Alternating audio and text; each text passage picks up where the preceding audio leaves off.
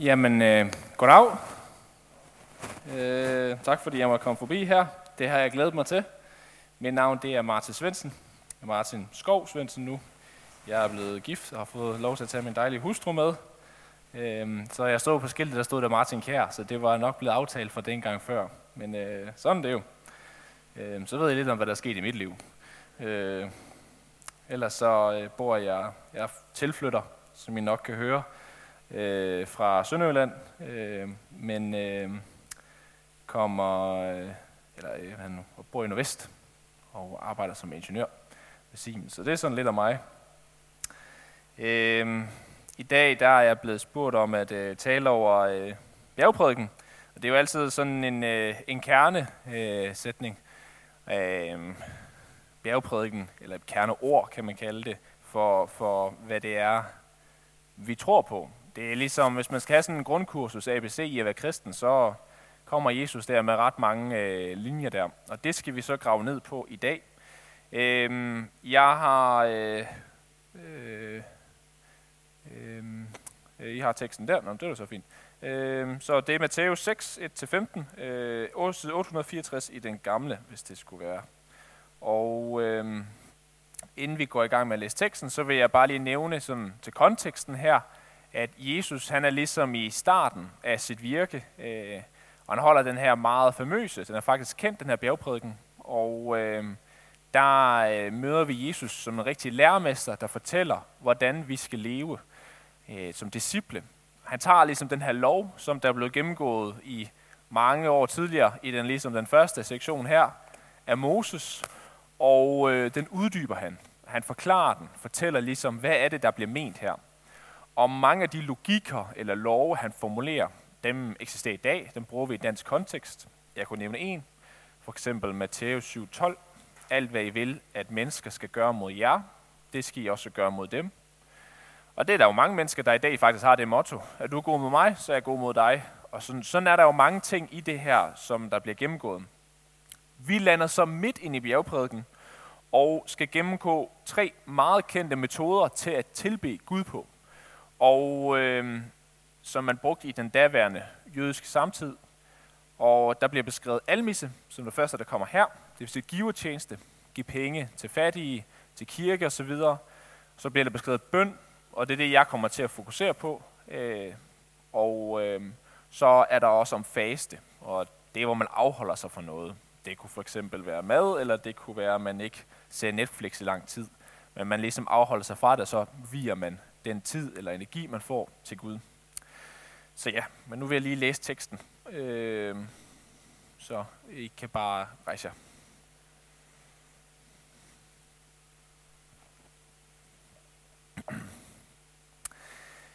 om almisse. Pas på, at I ikke viser jeres retfærdighed for øjnene af mennesker, for at blive set af dem. For så får I ingen løn hos jeres fader, som er i himlene. Når du giver almisse, så lad ikke blæse i basun for dig, som hyklerne gør det i synagoger og på gader, for at prises af mennesker. Sandelig siger jeg jer, de har fået deres løn.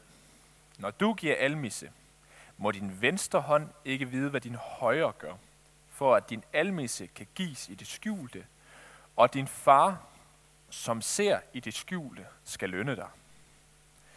Og når I beder, må I ikke være som hyklerne, der ynder at stå og bede i synagoger og på gadehjørner, for at vise sig for mennesker.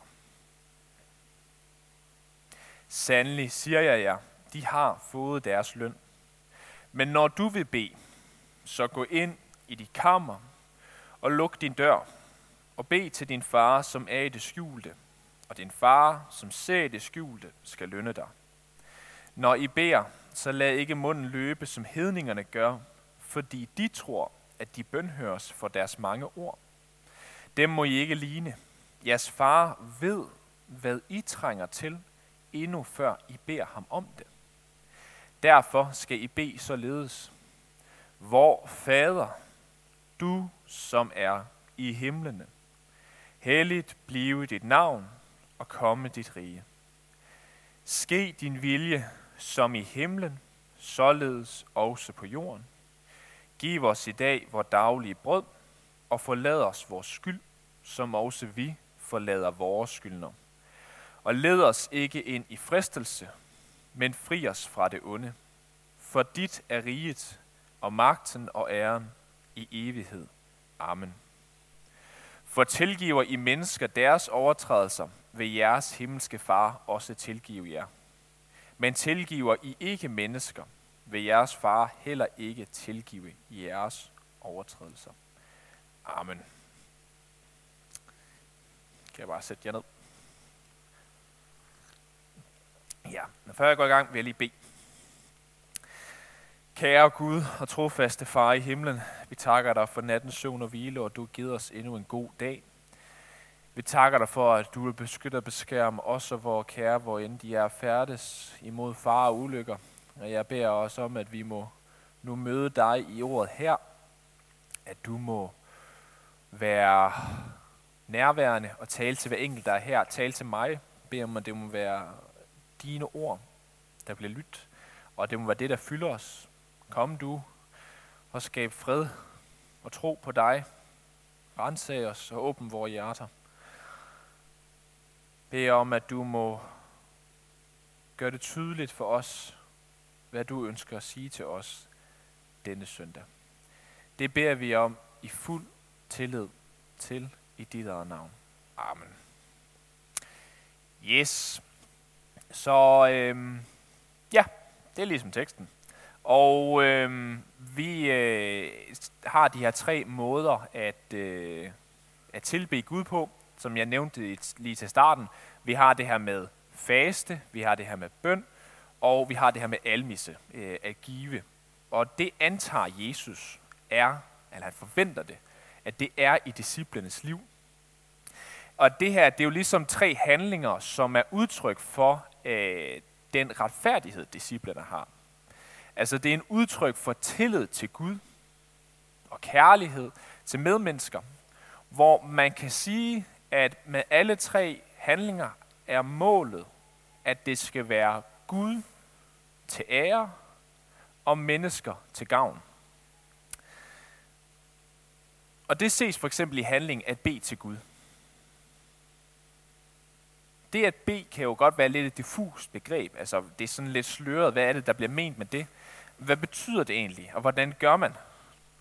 Jamen, bøn betyder, hvis man går ind og læser på nettet, går ind og googler, hvad betyder ordet bøn, jamen så er det en handling eller måde, hvor man henvender sig til Gud eller guder, for at opnå deres velvilje og deres hjælp. Og som kristen, så beder vi til Gud direkte. Det er noget, jeg lærer lidt mærke til. Uden nogen form for speciel omstændighed. Det har jeg ikke tænkt så meget over, men, men når jeg, og det er jo især med sådan, hvis man er opfostret et kristen hjem, så er det bare, vi, man kan jo bare bede, hvornår man vil. Og det er faktisk lidt unikt. Øh, vi kan simpelthen bare gøre det, at øh, gennem, øh, jeg, kan stå, jeg står her og beder, jeg kan gå derhen og bede, og det er lige meget om solen skinner.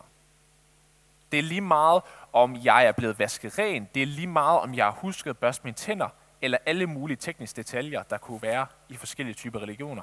I kristendom, på grund af, at Jesus blev sendt for os, så er der ikke et mærkeligt øh, adgangskode for at kunne komme ind og logge på det wifi. Øhm,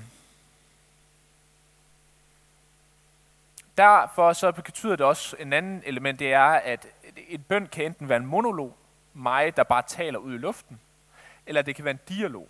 Og i kristendom, for os, og det Jesus lærer os, os her, det er, at det er altså ikke bare dig, der taler ud i luften. Vi læser her, at Gud er der. Du er ikke alene, selvom du måske føler det sådan. Men du taler med en levende Gud, som lytter på, hvad du siger. Det er altså ret vildt. Af alle mennesker på den her kæmpe jord, så står du pludselig der i midten. Bum. Dig, som lytter til mig her. Og bliver lyttet til, når du taler med Gud.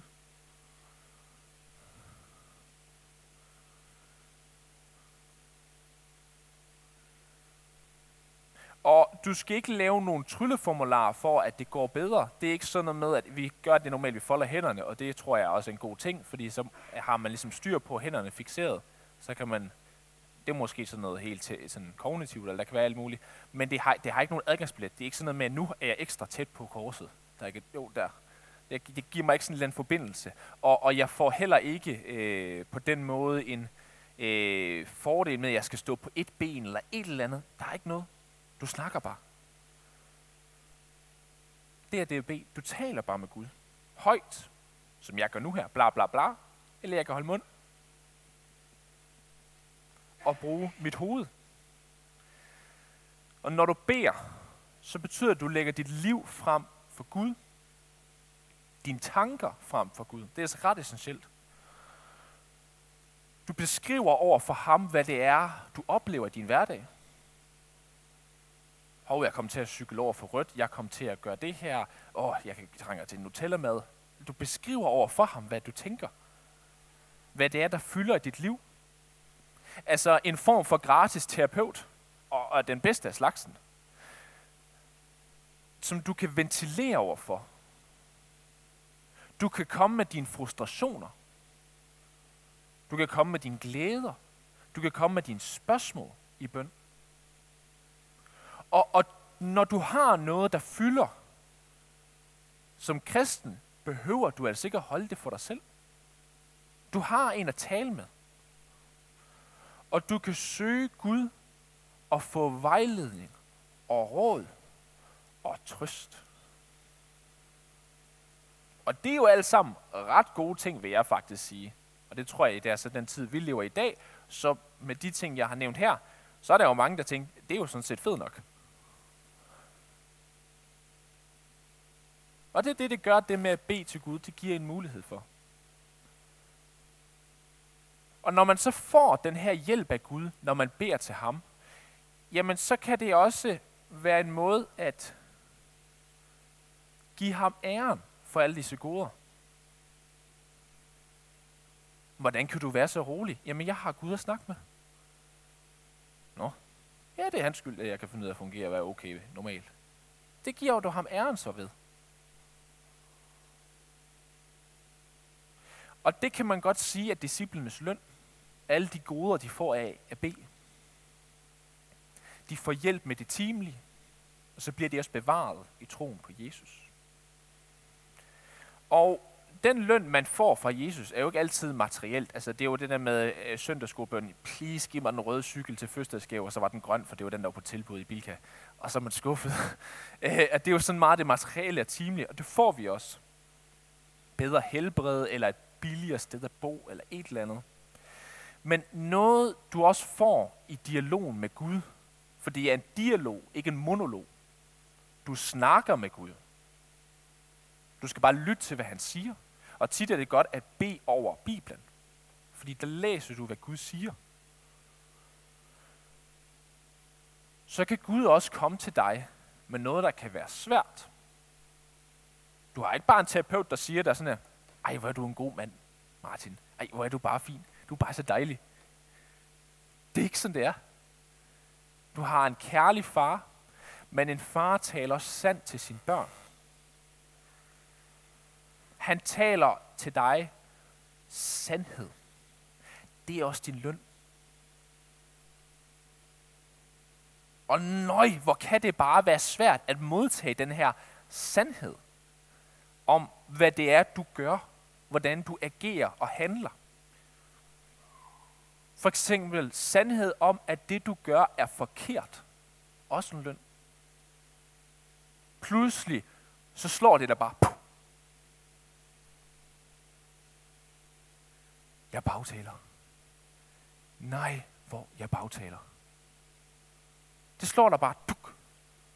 Jeg bagtaler bare, så det fosser ud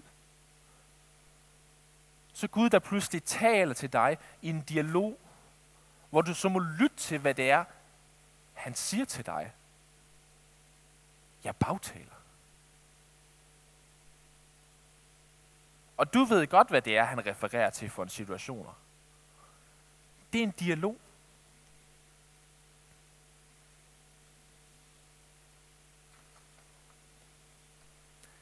Og det kan være en hård løn, man får.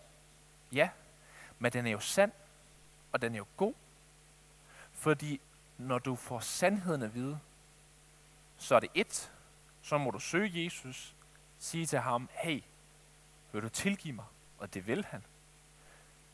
Men du kan også agere ud fra det. Det er altså sådan en god ting, så du måske kan overveje, om du skal stoppe med at bagtale. Eller, nu brugte jeg bare det konkrete eksempel, men det kan man køre i mange ting. Og det er jo også et virkelig godt værktøj at kunne få feedback på den måde at sige, ved du hvad, det der det er altså lidt dumt, det du har gang i. Fordi så kan man jo ændre kurs. Og, og, og, og det her værktøj her, det kan så åbenbart, det er så det, vi læser nu her i, fra vers 5 af, om at når I beder, må I ikke være som hyklerne. Okay. Stop op. Så Jesus siger, at det her værktøj kan bruges på en god og på en dårlig måde. Der er nogen, der bruger det på en hyklerisk måde. Det er falsk. Det er bare en eller anden from facade, men det er ikke ægte. Hvor det handler om, at de selv får æren i stedet for Gud. Så i stedet for, at de beder til Gud og takker ham for, det, det er lidt et dårligt metafor, så jeg er ikke helt sikker på, at jeg står for den, men nu kommer jeg alligevel med den. Øhm, men, men hvis nu vi siger, at du for eksempel har fået 12-tal til et eksamen, det er super godt, lav din lektier det hele. Men så beder du ud blandt, tak Gud for, at jeg har fået 12-tal. Hvor er jeg god? Så det er pludselig dig selv, der tager æren. Det er meget vigtigt for mig, at du, må, du skal ikke bare takke for den gode karakter, især hvis du ikke var så forberedt og sådan noget. Det er ikke det. Men hvem får æren i din bøn? Nøj, hvor er jeg bare god. Og det er det, hyklerne gør. De stiller sig op og tager selv æren. Og det kan man gøre på alle mulige finurlige måder. Det beskriver Jesus som hyklerisk. Det er falsk. Og deres løn, den er ære fra mennesker. Men det er ikke ære fra Gud. Modsat disciplene. Og de står ligesom som sådan nogle fromme, flotte mennesker, men Gud ser dem ikke sådan. Han ser dem som, hvad de er. Hyklere. Og her er spørgsmålet i dag måske. Beder du for at vise dig for mennesker, eller for at vise dig for Gud? Gud vil åbenbart have, at vi skal gå ind og lukke vores dør. Lige smæk den til. Og gå ind i dit kammer, når vi skal bede. Og lønkammeret, som bliver brugt her som ord, det er det allerinderste rum af et hus. Der bliver du nødt til at gå ind og lukke døren, så du ikke bliver forstyrret. For du møder ikke Gud i det skjulte. Gud overalt, men han er også i det skjulte. Og du møder ikke skjulte Gud, hvis du hele tiden er i det åbne. For mange kan det måske være svært at få den her stilletid. Men vi skal jo ikke lade os begrænse af vores hus, og altså, at du kan gå ud i naturen, og, eller køre, hoppe ud i bilen og køre en tur. Eller, altså det, det skal være lidt kreativt. Øhm, men du må godt gå derud i de øde områder og snakke med ham. Men der skal bare husk, luk døren, så du får din fred med Gud, hvor du ikke bliver forstyrret for meget. Og, og det er ikke altid lige nemt, det skal jeg ikke sige. Men så kommer jeg til at overveje, hvad må det her skjulte er, som Jesus han går op i. Og øhm, det funderer lidt over. Fordi det er åbenbart et sted, hvor Gud ser, og et sted, hvor Gud er. Og så slog det mig. Det er inde i dit inderste. Derinde skal du lukke op. Inde i dit mørke, der skal du møde Jesus. Der er din løn at finde. Der, hvor du er hudløst ærlig om dig selv og hvad du oplever. Og her møder du trøst, opmundring og hans sandhed. Også selvom det kan gøre ondt. Og her skal du altså ikke komme med en masse fromme fraser og formuleringer og forsøg på at købe Guds hjælp. Men du skal åbne dig for hans indgriben. Det er det, bøn er. Det er at gøre dig villig til at tage imod. Der står i vers 7, når I beder, så lad ikke munden løbe, som hedningerne gør, fordi de tror, at de bønhøres for deres mange ord. Husk nu, det er en dialog, ikke en monolog. Du har en samtale med Gud, og du skal ikke have et eller andet minimumsniveau, hvor du skal over det for at bede og snakke med Gud. Og men først skal jeg bede fader vor, og så skal jeg have sagt nogle velsignelser, og så kan vi komme ind. Nej. Du bliver ikke bønhørt ekstra på grund af mange ord. Og hvis du nu er typen, der så tænker, okay, fint nok, jamen, så kommer du med, at jeg skal bede, og jeg skal bare tale til Gud, og det der bare der. Hvordan gør jeg det? Ja, når jeg hører andre bede, så er det bare, det fosser ud med ord. Det er bare et vandfald, når man er til bedemøde noget. Og jeg står bare selv, øh, øh, øh, øh. Og her, prøv lige at stoppe op og tænk anderledes. Forestil dig, at du har en vandhane. Den kan enten fosse ud med vand, eller det kan dryppe. Forestil dig, at din bøn er små dryp. Jeg ved godt, det er lidt en mærkelig metafor, men åbenbart så virker den. Så forestil dig, det er små dryp. Okay, okay, små dryp. Hvad er det, der lige kommer til dig? Tak Gud for, at solen skinner. Det var et dryp. Så lidt pause igen. Åh, de andre beder, beder videre, jeg er alt sådan noget. Stop. Vil du ikke passe på min søskende? Vil du ikke bevare min søskende? Far, der især den her store søster, eller et eller andet. Og også min nabo, Gud, du skal også hjælpe med det her. Og vi har også problemer med det her. Og far, vil du tilgive mig for det her? Og pludselig, så står du bare, drøb, dryp, dryp, dryp, dryp. Og så åbner du dit hjerte. Drøbmetoden kan I kalde den. Jeg ved det ikke. Det, men, men, men fordi bøn skal ikke blive en præstation eller et flot stykke poesi. Vi, vi sang virkelig nogle fantastiske salmer her. Altså de to her, det er noget, jeg kommer til at kopiere, hvis jeg skal lave den her prædiken igen. Det er jo virkelig gode salmer. Men det er ikke det, der det skal du ikke ramme sådan et niveau som Grundtvig for at kunne snakke med Gud. Bøn må bare ikke blive en gerning. Og hver drøb er et godt drøb. Det er godt nok at sige tak for, at solen skinner. Og du skal ikke begynde at anvende en eller anden logik med, at desto mere du beder, desto, øh, desto mere kan du tjene ud af det, eller et eller andet med, at du får ekstra løn. Der kan du læse om daglejerne i Matthæus 20, 1-16, og de tror, man får mere løn ved at arbejde mere. Men bøn handler om at tage imod. Ligesom med kristendommen i det hele taget. For jeres far ved, hvad I trænger til, inden før I beder ham om det. Der står ikke et og bla bla bla, og I kan få ekstra bonus, hvis I beder så meget og kommer på så mange ord og et eller andet. Nej. Jeres far ved, hvad I trænger til, før I beder ham om det. Og fader vor for eksempel, som kommer bagefter, det kommer ikke så meget ind på, handler jo ikke om, hvad vi kan give Gud, men det handler om, hvad Gud gør og hvad vi får. Og jeg sidder ved siden af en kvinde til et møde, og jeg ser bare hendes tykke notesbog. Og så er det åbenbart sådan, at hver gang hun har bedt eller haft et eller andet der, så har hun lige lavet en tegning. I det skjulte. Der, hvor hun er alene med Gud. Og den var tyk. Og jeg er sikker på, at i den bog var den fyldt med prædikner. Der har været mellem hende og Gud.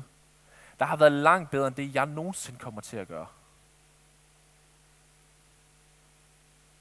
Derinde i det skjulte, hvor Gud er og Gud ser, bliver der bare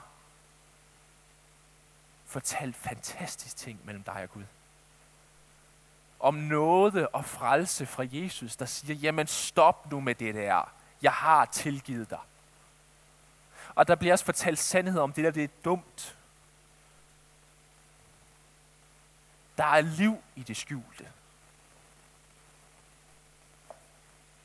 Jeg tænker også, vi måske noget, vi kunne blive bedre til, det er også at høre faktisk om de vidnesbyrd, om den skjulte bøn. Det slår mig, hvor meget af det, hun har mødt der, måske som ikke sige alt, men det kunne have været til velsignelse for andre, måske at hørt om noget i det skjulte. Og når du beder, og du pludselig begynder at få os ud, eller hvis du ikke gør det, men så måske begynder at tænke, det her det går, det dur ikke. Og så begynder du måske at sige noget, hvor du leder tungen løb over sig. Der står her, når I beder, så lad ikke munden løbe, som hedningerne gør. Altså sige ting, som vi ikke mener eller ikke forstår. Jeg mener ikke, du skal ikke bede mindre formodigt. Bed du bare alt, hvad du kan, men du skal passe på i dialog med Gud at love noget. Så stopper du sikkert, hvad mener du med det?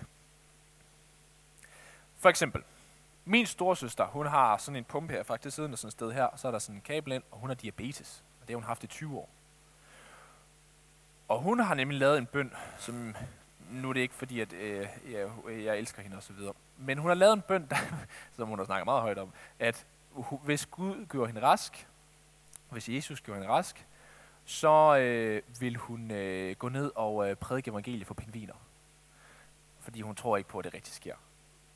Og det, hun er heller ikke blevet, det sådan, den er helt død, den busbødkirtel. Og hun har det godt og så videre. Og det er sådan lidt joke, eller sådan, det, det er ikke så tungt der, men sådan skal du altså passe på med at bede, hvis det er sådan, du virkelig tænker, når du er alene med Gud. Hvor du forhandler i din bøn. Okay Gud, hvis du hjælper mig med det her problem, så gør jeg sådan her. Så bliver det pludselig noget for noget. Som om I er ligeværdige. Men så putter du loven eller et eller andet ind i din bønsliv. Stop med det. Jesus siger, at vi skal kalde Gud vor far. For første gang for disciplen, det er jo bare helt, pff, far? Ja. Du skal ikke komme som ligeværdig, der forhandler til Gud, når du beder. Og være i tvivl om, at det vi beder om, kommer til at måske behage ham. Og men hvis han vil hjælpe ham, så bliver han nødt til at give ham noget igen, eller et eller andet, i sådan en handel. Når du skal komme som et barn, der bare siger, far, kan jeg få? Helt frimodigt. For når han bruger billedet med far, så viser det, at Gud er mere optaget af at hjælpe os, end vi er om at bede om hjælp. Sådan er en far.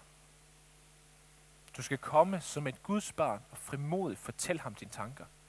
Og du skal ikke manipulere med Gud igennem dine bønder. Og det kan du godt nok heller ikke. Hvor du ligesom hyklerne stiller dig op foran mennesker og bla bla bla, se nu skal vi så andre kan se dem og ære dem. Nej, din bøn skal være et hjertets suk, siger Luther. Du skal beskrive dine ønsker, det inderste der, i skjulte. Fordi dem, der stiller sig ud på gader og stræder, som hyklerne her, der er det en opgave. Og når det er en opgave, så er det ikke bøn med Gud i det skjulte. Nej, mød først Gud i dit mørke. Og ved dem, der gør det andet. Hvordan kan du vejlede andre og føre dem frem med det skjulte også, hvis du ikke selv går ind i det skjulte? Det er også noget, man skulle sige til hyklerne. Hvis du ikke selv bliver vejledt og formet af Gud i den skjulte bøn, jeg siger til dig, der gør således, Stil du dig frem med din visdom, din klogskab, din bagklogskab. Og din fromhed. Og så kommer jeg bare med mine urene læber. Alt det gøjl. Mine blodige hænder er, at jeg ligesom tager folks humør. Og jeg kommer med alle mine nederlag. Jeg kommer med alt det, der kogler rundt i hovedet på mig. For jeg kan finde ud af at holde balancen. Og så vil Gud gennem min afmagt, gennem din afmagt, vise til sidst, hvem der har fået den gode løn. Og det med, at du har nogle sønder, det er altså ikke noget, der må være en hindring for dig i bønden. For vi har her Guds ord, som befaler os at bede. Og hans løfte er, at han vil bønhøre os. Og det sker ikke for vores egen skyld, men på grund af Jesus skyld. At han døde for os, som vi ser det op. Og på grund af ham, så må du altså have fuld frimodighed. Og uanset om du vurderer dig værdig eller ej til at være Guds barn, når du vil bede, så kom nu bare med din nød og be glad på hans opfordring. Du har jo en far, som er Gud. Ikke en Gud, der er en stram dommer eller en tyran. Husk det. Det hedder fader hvor.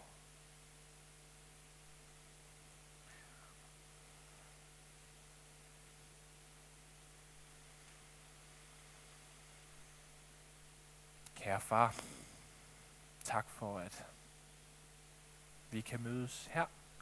Jeg beder om, at det her med bønden må være noget, vi må ty til. Du ved, at det er der, vi henter vores kraft og ressourcer. Bær om, at dem, der er her, må ture at gå ind i det skjulte, for du siger, du er der. At de må ture at se dig i det skjulte, og også at du ser dem i det skjulte. Lys du op derinde i det skjulte, hvor der er så mørkt. Fyld os med din fred. Far, så takker jeg dig for, at når vi alle ikke kan finde på ord længere, så har du givet os en så fantastisk bøn. Som du har lært os, at vi kan bede på gode og på dårlige dage. Fader vor, du som er i himlen, helligt blive dit navn og komme dit rige. Ske din vilje som i himlen, således også på jorden. Giv os i dag vores daglige brød, og forlad os vores skyld, som også vi forlader vores skyldner. Led os ikke ind i fristelse, men fri os fra det onde, for dit er riget, magten og ære i evighed. Amen.